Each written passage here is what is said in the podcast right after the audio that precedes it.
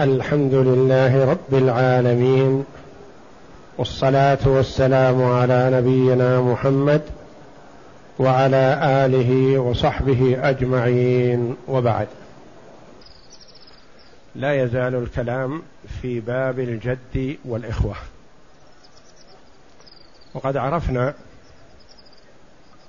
أن علماء السلف والخلف من زمن الصحابة رضي الله عنهم إلى عصرنا هذا والخلاف بين العلماء رحمهم الله في توريث الإخوة مع الجد. فمن قائل ينزل الجد منزلة الأب في حجب الإخوة من الميراث. ومن قائل يشتركون مع الجد الإخوة سواء كانوا لأب أو أشقاء.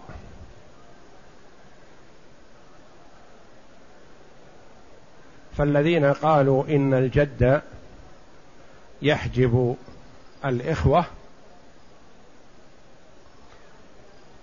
إذا ورد في المسألة جد وإخوة حجبهم الجد ولا مسائل حينئذ بينهم ولا مشاركة. المذهب الثاني وهو موضوع البحث. إذا وجد مع الجد إخوة سواء كانوا أشقاء أو لأب وأما الإخوة لأم فهؤلاء يحجبهم الجد بالاتفاق. وحينئذ لا تخلو المسألة من أن يكون معهم صاحب فرض أو ليس معهم صاحب فرض. بأن كانوا جد وإخوة فقط. في هذه المسألة يخير الأب الجد بين المشاركة وثلث المال.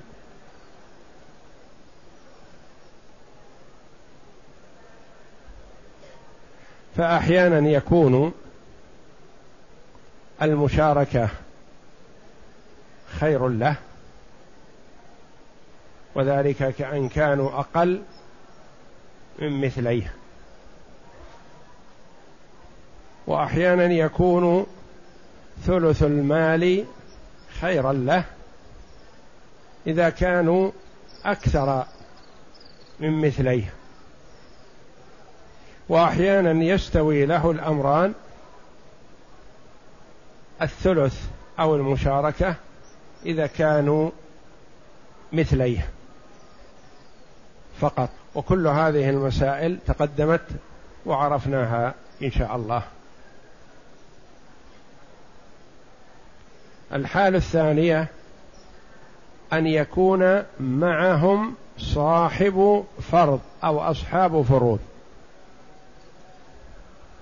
فإذا كان معهم مع الجد والإخوة من أصحاب الفروض أحد فلا تخلو المسألة.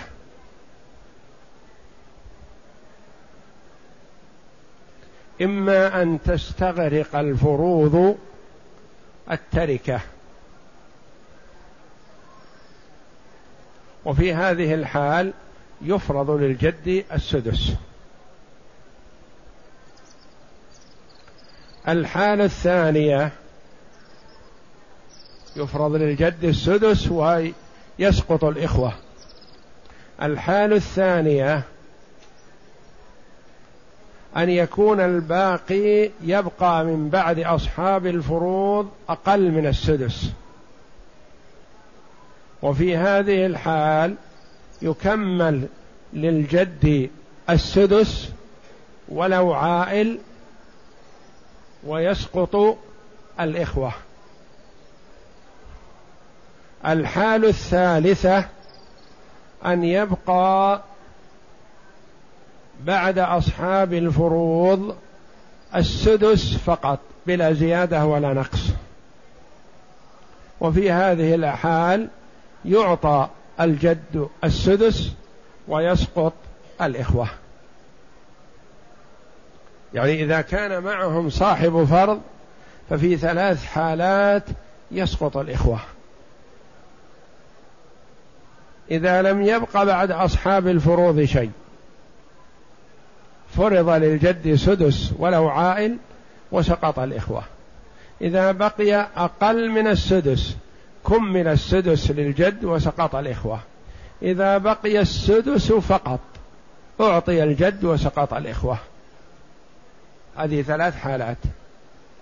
بقي الحال الرابعة وهي موضوع درسنا اليوم. إذا بقي بعد أصحاب الفروض أكثر من السدس. إذا بقي بعد أصحاب الفروض أكثر من السدس. المسائل الثلاث الأولى لم يبق شيء أو بقي أقل من السدس أو بقي السدس. في هذه الأحوال يعطى الجد السدس ويسقط الإخوة. في الحال الرابعة بقي بعد أصحاب الفروض أكثر من السدس. يتصور أن يبقى النصف. يبقى الثلثان. يبقى خمسة الأسداس بعد أصحاب الفروض. يبقى ما دون ذلك إلى أن يكون أكثر من السدس. بقي الثلث. بقي النصف. بقي ثلاثة الأرباع. بقي خمسة الأسداس. وهذا ما يتصور. أكثر ما يبقى بعد أصحاب الفروض خمسة أسداس. يعني يروح منها سدس ويبقى خمسة. في هذه الحال سواء بقي أكثر من السدس بقليل أو بقي الكامل إلا السدس. يخير الجد بين ثلاث صور بين ثلاث حالات. يقال له ماذا تريد؟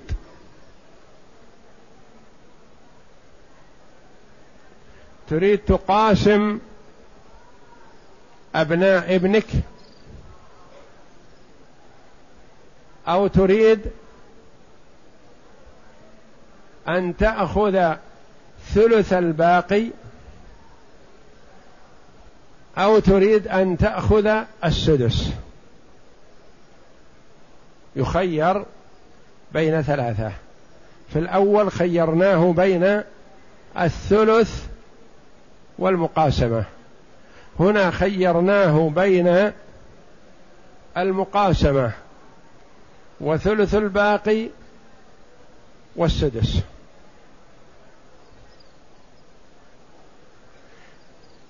وبطبيعة الحال أحيانا تكون المقاسمة خير له. وأحيانا يكون ثلث الباقي خير له. وأحيانا يكون سدس المال خيرا له. وأحيانا يستوي له اثنان من هذه الثلاثة. وأحيانا تستوي له الثلاثة.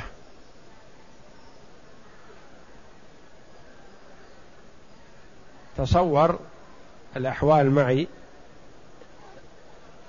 أحيانا يكون الأحظ له المقاسمة وأحيانا يكون الأحظ له ثلث الباقي وأحيانا يكون الأحظ له السدس. لأن هذه التي يخير بينها بين هذه الثلاثة. وأحيانا يستوي له اثنان منها. السدس والمقاسمة. أو المقاسمة هو ثلث الباقي. وأحيانا يكون تستوي له الثلاثة. ثلث الباقي. والسدس والمقاسمة.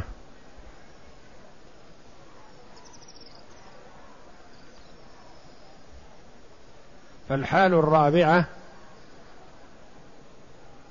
من الأحوال التي يوجد مع الجد والإخوة صاحب أو أصحاب فروض. بأن يبقى بعد أصحاب الفروض أكثر من السدس. فإذا بقي أكثر من السدس خيرناه بين ثلاثة أمور. المقاسمة ثلث الباقي سدس المال. ونمهله. لا نباغته الشيخ. إذا طلب الإمهال للنظر أمهلناه. لا نباغته. بل نجعل له فرصة للتفكير في أي هذه الأحوال أحظ له. فأحيانا يأتينا يقول أريد المقاسمة.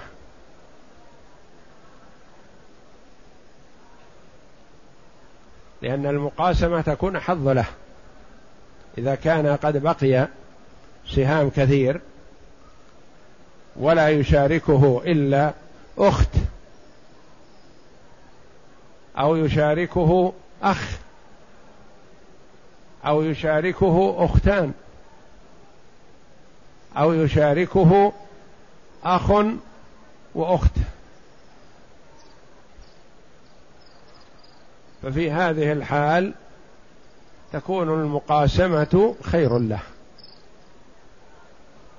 وأحيانا تكون المقاسمة أحظ له. في هذه الأحوال. وأحيانا يكون ثلث الباقي أحظ له.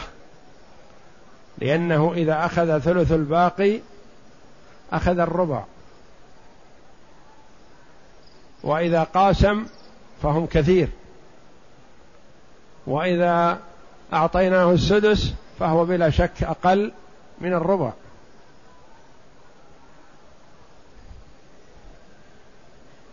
فيكون ثلث الباقي خير له. ولكل حالة مسائل أمثلة توضحها سنتتبعها إن شاء الله. إنما المهم الآن أن نتصور الموضوع. أننا نخير الجد بين مقاسمة الإخوة أو نعطيه ثلث ما بقي بعد أصحاب الفروض أو نعطيه سدس المال. ونترك له فرصة الخيار لأنه أحيانا يكون تكون المقاسمة أحظ له وأحيانا تكون يكون سدس المال أحظ له وأحيانا يكون ثلث الباقي أحظ له.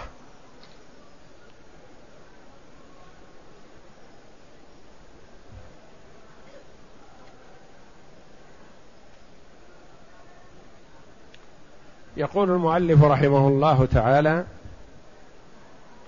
الحالة الرابعة أن يبقى بعد ذوي الفروض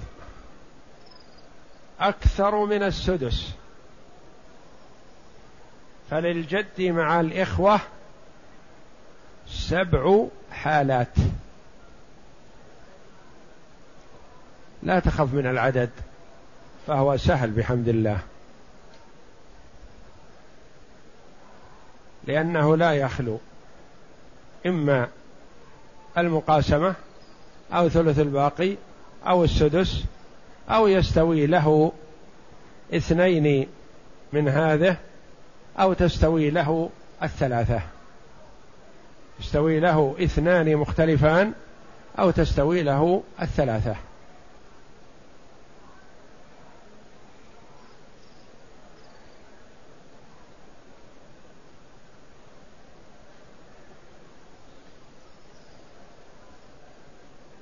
فللجد مع الإخوة سبع حالات ويخير في ثلاثة أمور.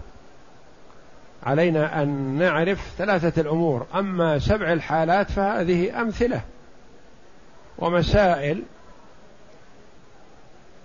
كل مسألة ننزلها على واحدة من هذه السبع. ويخير في ثلاثة أمور. ما هذه الأمور التي يخير فيها؟ المقاسمة أو ثلث الباقي أو سدس جميع المال. الأولى يعني من السبع. الأولى من السبع. أن تكون المقاسمة أحظ له. مثال ذلك يقول المؤلف رحمه الله زوج وجد وأخت. المثال يوضح المسألة. هلك هالك عن زوج وجد وأخت. عندنا جد وأخت ومعهم صاحب فرض الذي هو الزوج. المسألة من ستة. في هذه المسألة ننظر ماذا نخير الزوج الجد. وقد يستشيرك لأنك تعرف ما لا يعرف فلا تغشه. أخبره بالأحظ له. إذا جاءك تقول له ماذا تريد وتقطع عليه الطريق لا. تخيره فإن استشارك فأشر عليه بما فيه حظه ونصيبه أكثر. زوج وجد وأخت. نقسم. المسألة من ستة. للزوج النصف ثلاثة. ماذا بقي؟ بقي معنا ثلاثة. انظر. لو قاسم الأخت ماذا يأخذ؟ يأخذ اثنين والأخت تأخذ واحد. للذكر مثل حظ الأنثيين. لو قلنا له لعلك تختار ثلث الباقي. ماذا بقي بعد الزوج؟ بقي ثلاثة. ثلث الباقي كم؟ واحد. يأخذ واحد. أيهما حظ له؟ يأخذ واحد أو اثنين؟ اثنين. لو قلنا له لعلك تأخذ السدس لأنه هو فرضك. ماذا يأخذ؟ يأخذ واحد ويبقى للأخت اثنين. إذا لا نغشه. نقول له قاسم ما دامت أخت وقد بقي خير كثير بقي النصف. فإذا قاسمت أخذت ثلثي النصف. الذي هو ثلث المال.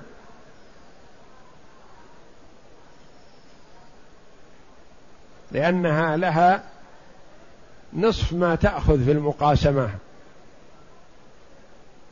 فيبقى ثلاثة يكون للجد اثنين ولل وللأخت واحد. وكذلك مثال آخر يوضح هذا بعد أكثر. هالك عن زوج وجد وأخ. أيهما أحظ له؟ لا شك أن المقاسمة أحظ له. نقول المسألة من كم؟ لأن فيها زوج وجد وأخ بمنزلة ما لهم ما بقي. المسألة فيها نصف فقط.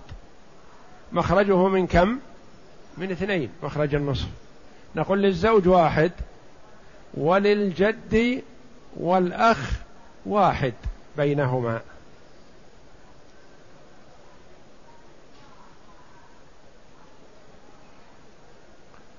في هذه الحال الواحد هذا بينهما. ورؤوسهم اثنين نضربها في أصل المسألة اثنين. فتصح من أربعة. يكون للزوج واحد في اثنين باثنين.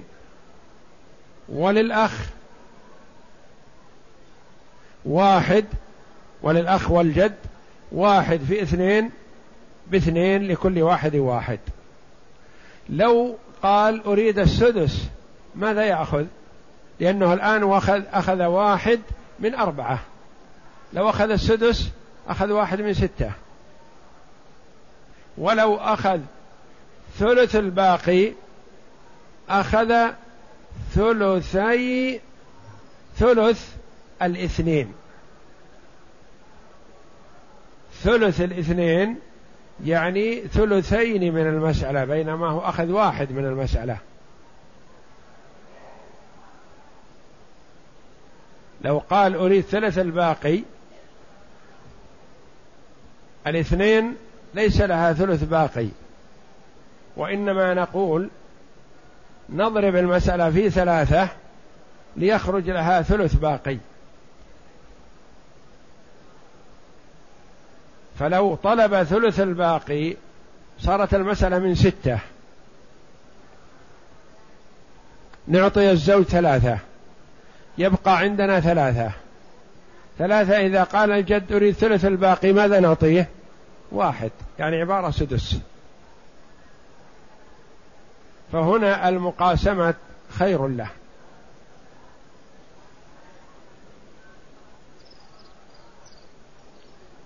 الحال الثانية من السبع أن يكون ثلث الباقي أحظ للجد من المقاسمة. ومن سدس جميع المال. يكون الثلث الباقي خير له. خير له من سدس جميع المال وخير له من المقاسمة. مثل المؤلف رحمه الله بمساله هالك عن جده. وجد وخمسة إخوة. المسألة من كم؟ المسألة من ستة. للجدة السدس واحد.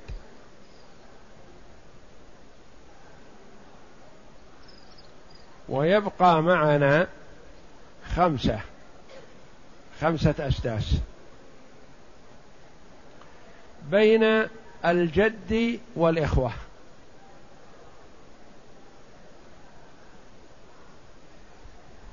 هنا في هذه المسألة طلب الجد ثلث الباقي. ما أراد المقاسمة لأنهم خمسة. وهو سادسهم فمعناه أنه يأخذ سدس ما بقي. ما هو سدس المال سدس الباقي. وهذا لا شك ليس بحظ له. الحالة الثانية سدس المال يأخذ واحد من الستة. يأخذ واحد من الستة. بخلاف ما إذا أخذ ثلث الباقي أخذ ثلث من خمسة. ثلث من خمسة عبارة عن اثنين إلا ثلث. فهذا أحظ له. إذا أخذ اثنين إلا ثلث من الستة فهذا أحظ له.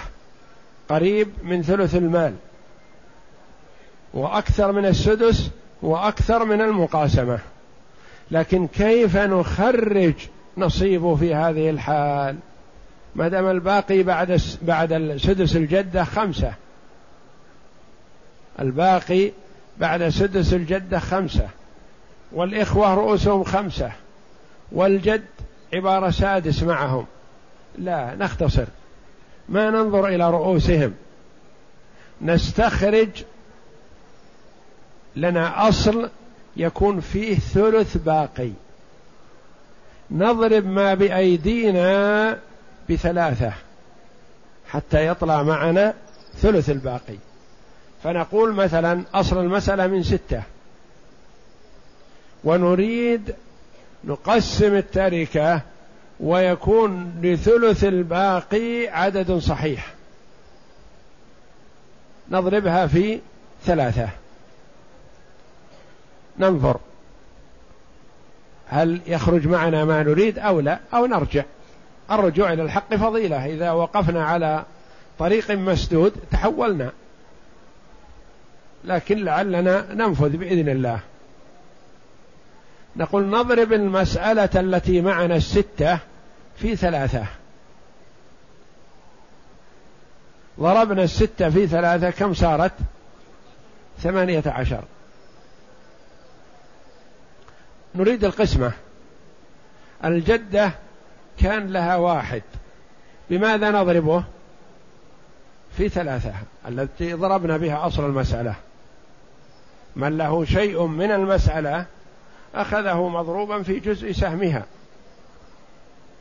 فنقول واحد في ثلاثة بثلاثة للجدة. أخذنا من الثمانية عشر ثلاثة. بقي كم؟ خمسة عشر. هل لها ثلث؟ نعم والحمد لله. الباقي كم بعد نصيب الجدة؟ خمسة عشر. ننظر ثلث الخمسة عشر كم؟ هي خمسة. فنعطي الجد خمسة. يبقى بعد الخمسة كم؟ عشرة. نقول للإخوة اقتسموها على كتاب الله. إن كنتم ذكورا فاقتسموها بالسوية وإن كان معكم إناث فللذكر مثل حظ الأنثيين. أعطيناهم العشرة اقتسموها. صاروا خمسة هم خمسة وهي عشرة. كم يأتيهم؟ للذكر سهمان. من ثمانية عشر. والجد كم أخذ؟ خمسة من خمسة عشر. لا شك أن هذه المسألة أحظ له من السدس. وأحظ له من المقاسمة لأنه لو قاسم خمسة إخوة صار واحد منهم. ولو أخذ السدس أخذ ثلاثة من أو أقل من الثلاثة لأنه إذا أخذ سدس نعم أخذ ثلاثة من ست من ثمانية عشر. فالآن أصبح له ثلث الباقي يعادل خمسة من ثمانية عشر. هذه المسألة إذن أحظ له.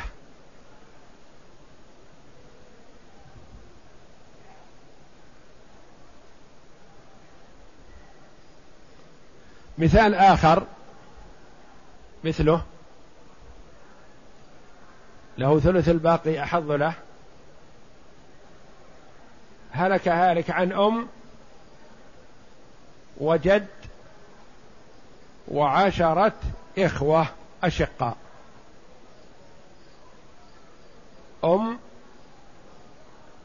وجد وعشرة إخوة أشقاء. المسألة من كم؟ من ستة. لأن فيها أم مع إخوة. الأم ما تستحق الثلث في هذه المسألة. لها السدس لوجود الجمع من الإخوة. المسألة من ستة. للأم السدس واحد. والجد في هذه المسألة سيأخذ ثلث الباقي. نضع ثلث وبجنبها باء. ثلث الباقي. والإخوة العشرة أصلحهم الله لهم الباقي. أيا بالغا ما بلغ. كيف نستخرج نصيب الجد الذي هو ثلث الباقي؟ المسألة سهلة والحمد لله.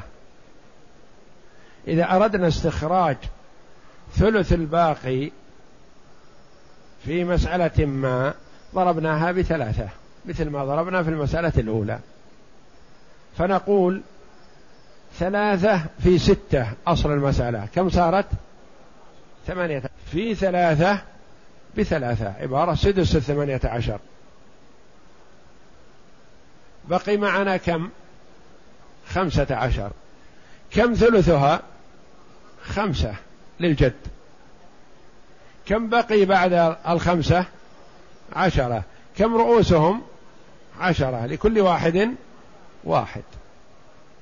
ففي هذه المسألة ثلث الباقي خير للجد لأنه لو قاسم أخذ واحد معهم. رؤوسهم عشرة. ولو أخذ سدس المال أخذ ثلاثة من ثمانية عشر مثل الأم. سدس. لكن ثلث الباقي أخذ كم؟ خمسة. هذا ثلث الباقي أحظ له. المسائل التي تزيد عما في الكتاب كتبتها في الورقة هذه ممكن تناقلونها إن شاء الله. الحال الثالثة من السبع. أن يكون سدس جميع المال أحظ له. السدس خير له. لأنه لو قاسم ما أخذ إلا قليل. لو أخذ ثلث الباقي ربما ما يكون بقي إلا سدس فيأخذ ثلث السدس أو ثلث الربع فيكون قليل. ففي هذه الحال يقول أعطوني السدس فهو خير له. ومثالها مثل المؤلف رحمه الله بقوله ومثال ذلك زوج وجد وجدة وثلاثة إخوة أشقاء.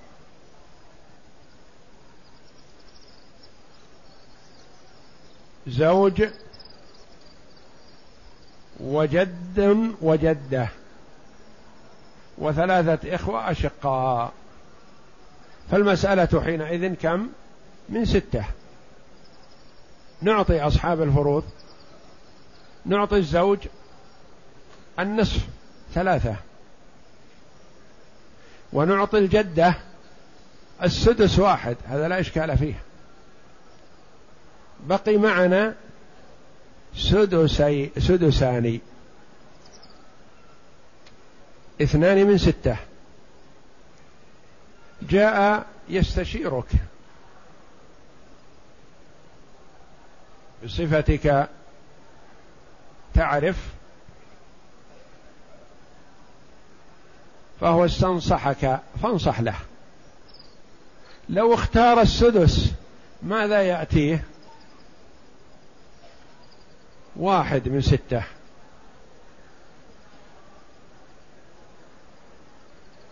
لو اختار ثلث الباقي ماذا يأتيه؟ ثلثي واحد.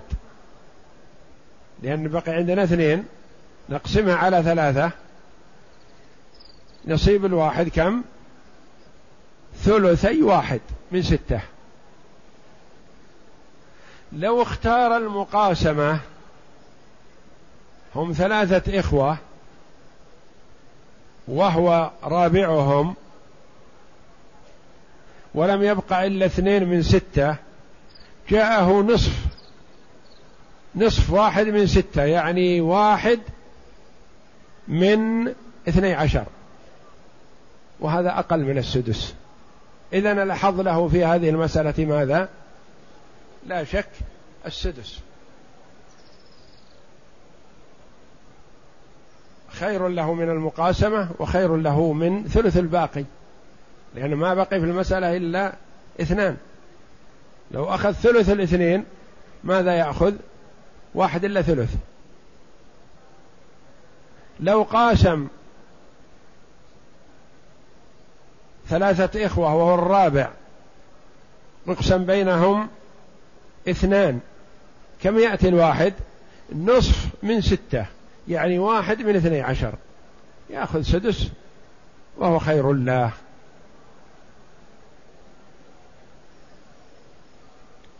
مثال آخر. زوج وأم وجد وأخوان.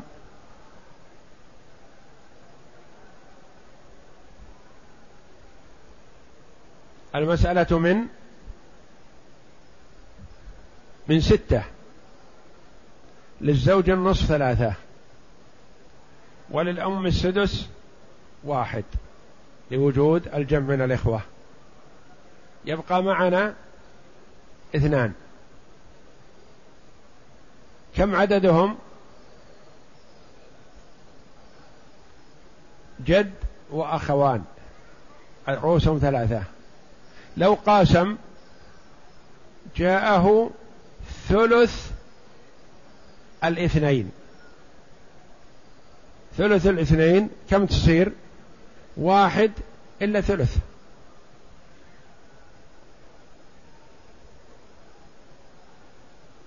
لو أخذ ثلث الباقي فكذلك. بقي اثنان يأخذ ثلث الاثنين كم يبقى؟ كم يكون له من ثلث الاثنين واحد إلا ثلث. لو أخذ السدس كم يأخذ؟ واحد. والإخوة يشتركون في واحد. إذا في هذه المسألة الأخرى السدس خير له. هذه المسائل الثلاث التي يكون الأحظ له أحيانا المقاسمة وأحيانا ثلث الباقي. وأحيانا سدس المال وهي لا تخرج عن هذه الثلاث. كونه يجتمع المقاسمة وثلث المال وثلث الباقي أو سدس المال وثلث الباقي أو سدس المال وثلث الباقي والمقاسمة هذه أمور حسب حالة المسألة وفروضها. عرفنا أن الجد يخير بين ثلاث أحوال المقاسمة أو ثلث الباقي أو سدس المال. أحيانا يكون تكون المقاسمة خير له كما تقدم. أحيانا يكون ثلث المال خير له كما تقدم. أحيانا يكون سدس المال خير له كما تقدم. الرابعة المسألة الرابعة والخامسة والسادسة والسابعة هذه كم؟ أربع. بهذه مع هذه أو تلك مع الأخرى أو هذه مع أو مع الأولى أو استواء الثلاث جميع. يعني لا يزيد نصيبه في هذه الأحوال الأربع وإنما يستوي له كذا وكذا. نقرأها على سبيل الإجمال حتى نتصورها. الرابعة أن تستوي له المقاسمة وثلث المال. الخامسة أن تستوي له المقاسمة وسدس جميع الباقي. آه، أن تستوي له المقاسمة وثلث الباقي الأولى اللي هي الرابعة. الخامسة أن تستوي له المقاسمة وسدس جميع المال. السادسة أن يستوي له سدس جميع المال وثلث الباقي. السابعة أن تستوي له ثلاثة الأمور المقاسمة وثلث الباقي وسدس جميع المال. هذه الأحوال السبع. ثلاث أحوال تتميز وتكون في كل حالة أحدهما أفضل له من من الأخرى. الأربع الحالات الأخيرة يستوي له الأول والثاني الثاني والثالث الأول والثالث يستوي له الثلاثة.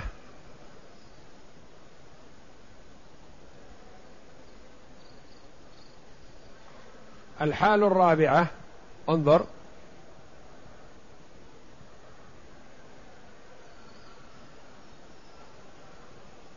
أن تستوي له المقاسمة وثلث الباقي. يعني إذا قاسم جاءه ربع. إذا أخذ ثلث الباقي جاءه ربع. إذا أخذ السدس نقص. فحينئذ تستوي له المقاسمة وثلث الباقي. ومثالها زوجة وجد وأخوان. زوجة وجد وأخوان. المسألة من كم؟ فيها ربع. المسألة من أربعة. للزوجة الربع واحد. بقي كم؟ ثلاثة. إذا أعطينا الجد السدس ماذا يأخذ؟ واحد من ستة. وإذا أعطيناه ثلث الباقي يأخذ واحد من أربعة. إذا قاسم الإخوة بقي ثلاثة وهم أخوان وهو الثالث أخذ واحد. اذا استوى له في هذه الحال ثلث الباقي والمقاسمة. ثلث الباقي واحد من أربعة. المقاسمة يأخذ واحد من أربعة. سدس المال أقل له. يأخذ واحد من ستة. إذا في هذه الحالة الرابعة استوى له المقاسمة وثلث الباقي. الحالة الخامسة. أن تستوي له المقاسمة وسدس الجميع المال. ثلث الباقي أقل. ليس بأحظ له. أن تستوي له المقاسمة وثلث الباقي الأولى الرابعة أن تستوي له المقاسمة وثلث الباقي. الخامسة أن تستوي له المقاسمة وسدس جميع المال. مثال ذلك زوج وجد وجدة وأخ.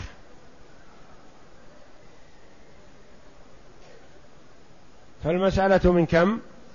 من ستة. للزوج النصف ثلاثة. وللجدة السدس واحد. بقي اثنان. إذا قاسم كم يأخذ؟ واحد لأنه معه أخ. وإذا أخذ سدس المال كم يأخذ؟ واحد. وإذا أخذ ثلثي ثلث الباقي كم يأخذ؟ ثلثي اثنين. ثلثي الاثنين كم؟ واحد إلا ثلث. إذا استوى له في المسألة الخامسة المقاسمة وسدس جميع المال. المسألة أو الحالة السادسة. أن يستوي له سدس جميع المال وثلث الباقي. والمقاسمة تضره. ومثال ذلك زوج وجد وثلاثة إخوة زوج وجد وثلاثة إخوة يستوي له السدس وثلث الباقي المسألة من ستة للزوج النصف ثلاثة بقي معنا كم؟ ثلاثة إذا أخذ ثلث الباقي كم يأخذ؟ واحد من الثلاثة يعني سدس. وإذا أخذ سدس المال كم يأخذ؟ واحد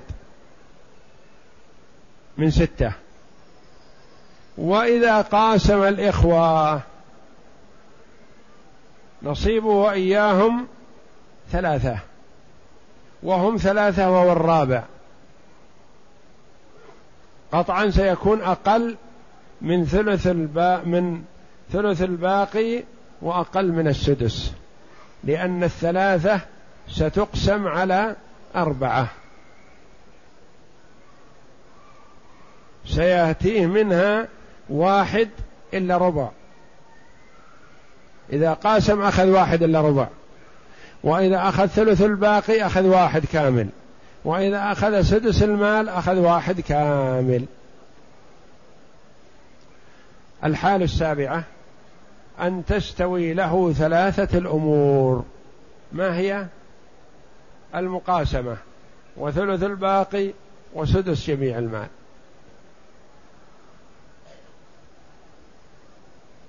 لا ميزة له في واحد منها. نقول كلها متساوية عندك.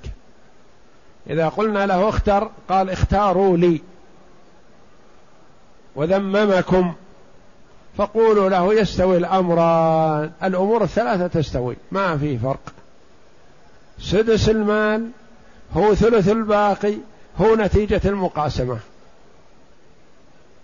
ومثال ذلك.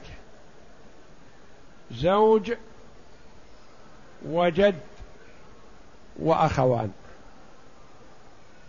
زوج وجد وأخوان. المسألة من ستة. للزوج النصف ثلاثة. ويبقى ثلاثة. إن قاسم أخذ واحد من ثلاثة. إن أخذ سدس المال أخذ واحد من ثلاثة.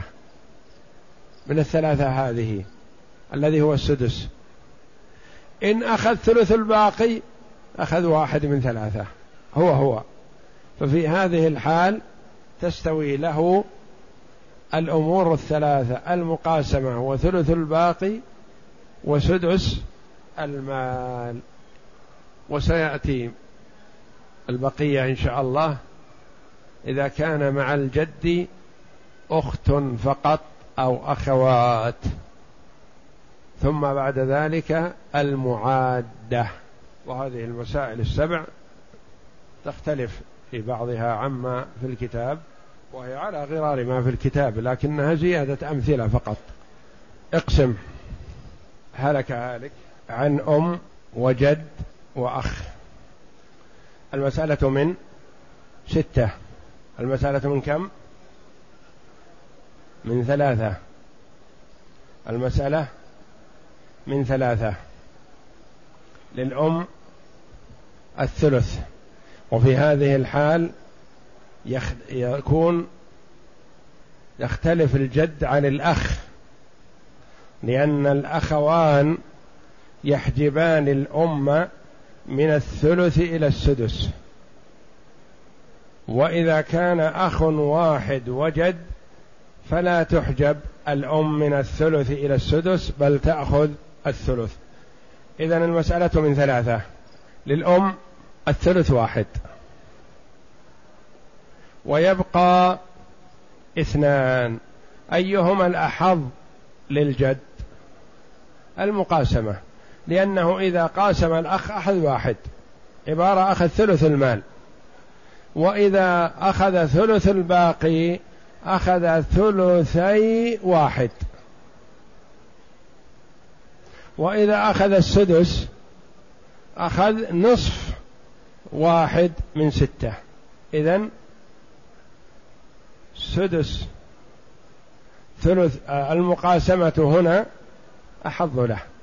هلك هالك عن جدة وثلاثة إخوة وجد. المسألة من ستة. للجدة السدس واحد. ويبقى معنا خمسة. ورؤوسهم أربعة.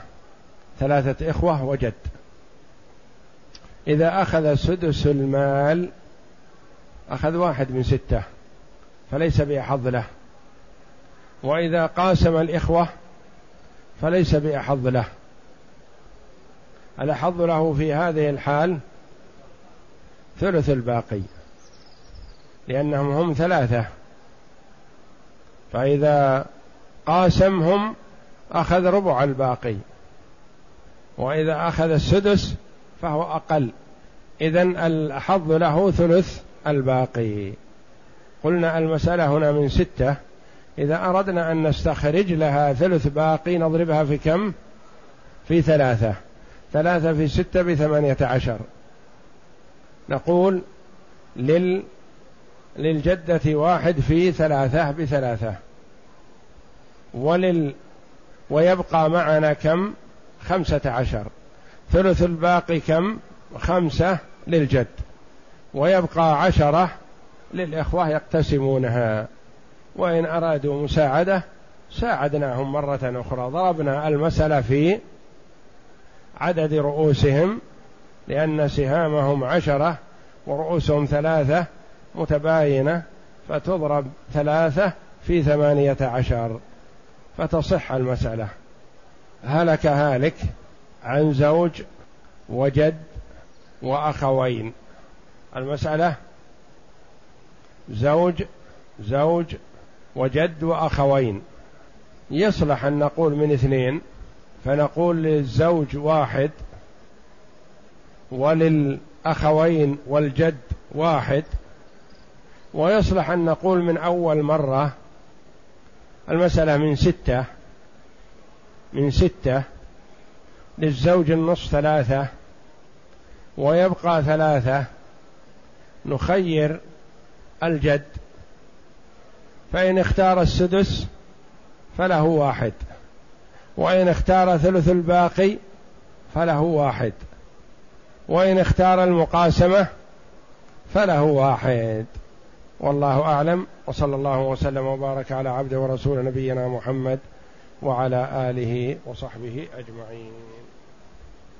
يسأل عن موعد الدروس. الدرس هذا بعد في دخول شهر رمضان المبارك. اخترنا وقت بعد صلاة العصر إن شاء الله. بعد صلاة العصر لعله أولى من بعد المغرب. الناس يشتغلون في إفطارهم. فبعد العصر يحضرون للدرس إن شاء الله.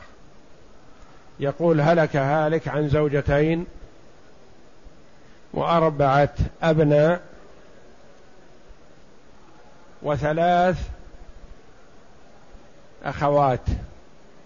إذا كن أخوات للميت فليس لهن شيء لأن المال للزوجتين الثمن والباقي للأبناء للذكر للأبناء بينهم.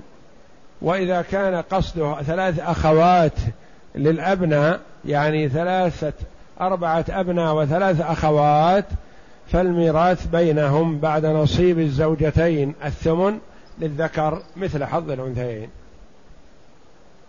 يقول سنة الفجر إذا فاتت قبل صلاة الفجر؟ هل تصلى بعد صلاة الفجر؟ أم ماذا؟ والجواب المرء بالخيار. إن صلاها بعد صلاة الفجر فلا بأس. وإن أخرها بعد طلوع الشمس وارتفاعها قدر رمح فذلك أفضل. إلا أنه إن خشي أن ينساها أو ينشغل عنها فيصليها بعد الفجر. ويقول هل صلاها النبي صلى الله عليه وسلم بعد الفجر؟ ما ثبت ولا نقل أن النبي صلى الله عليه وسلم صلاها بعد الفجر وإنما أقر من صلاها. بعدما سلم عليه الصلاة والسلام من صلاة الفجر قام شخص فصلى ركعتين. فقال أصلاة الفجر أربع. فقال يا رسول الله هما ركعتان قبل الفجر. فأقره صلى الله عليه وسلم. فإذا قضاها بعد صلاة الفجر فلا بأس. وإن أخرها بعد طلوع الشمس وارتفاعها قدر رمح فذلك أفضل. رجل له زوجتان وله أولاد من كليهما فإذا رضع ولد غريب من إحدى زوجتيه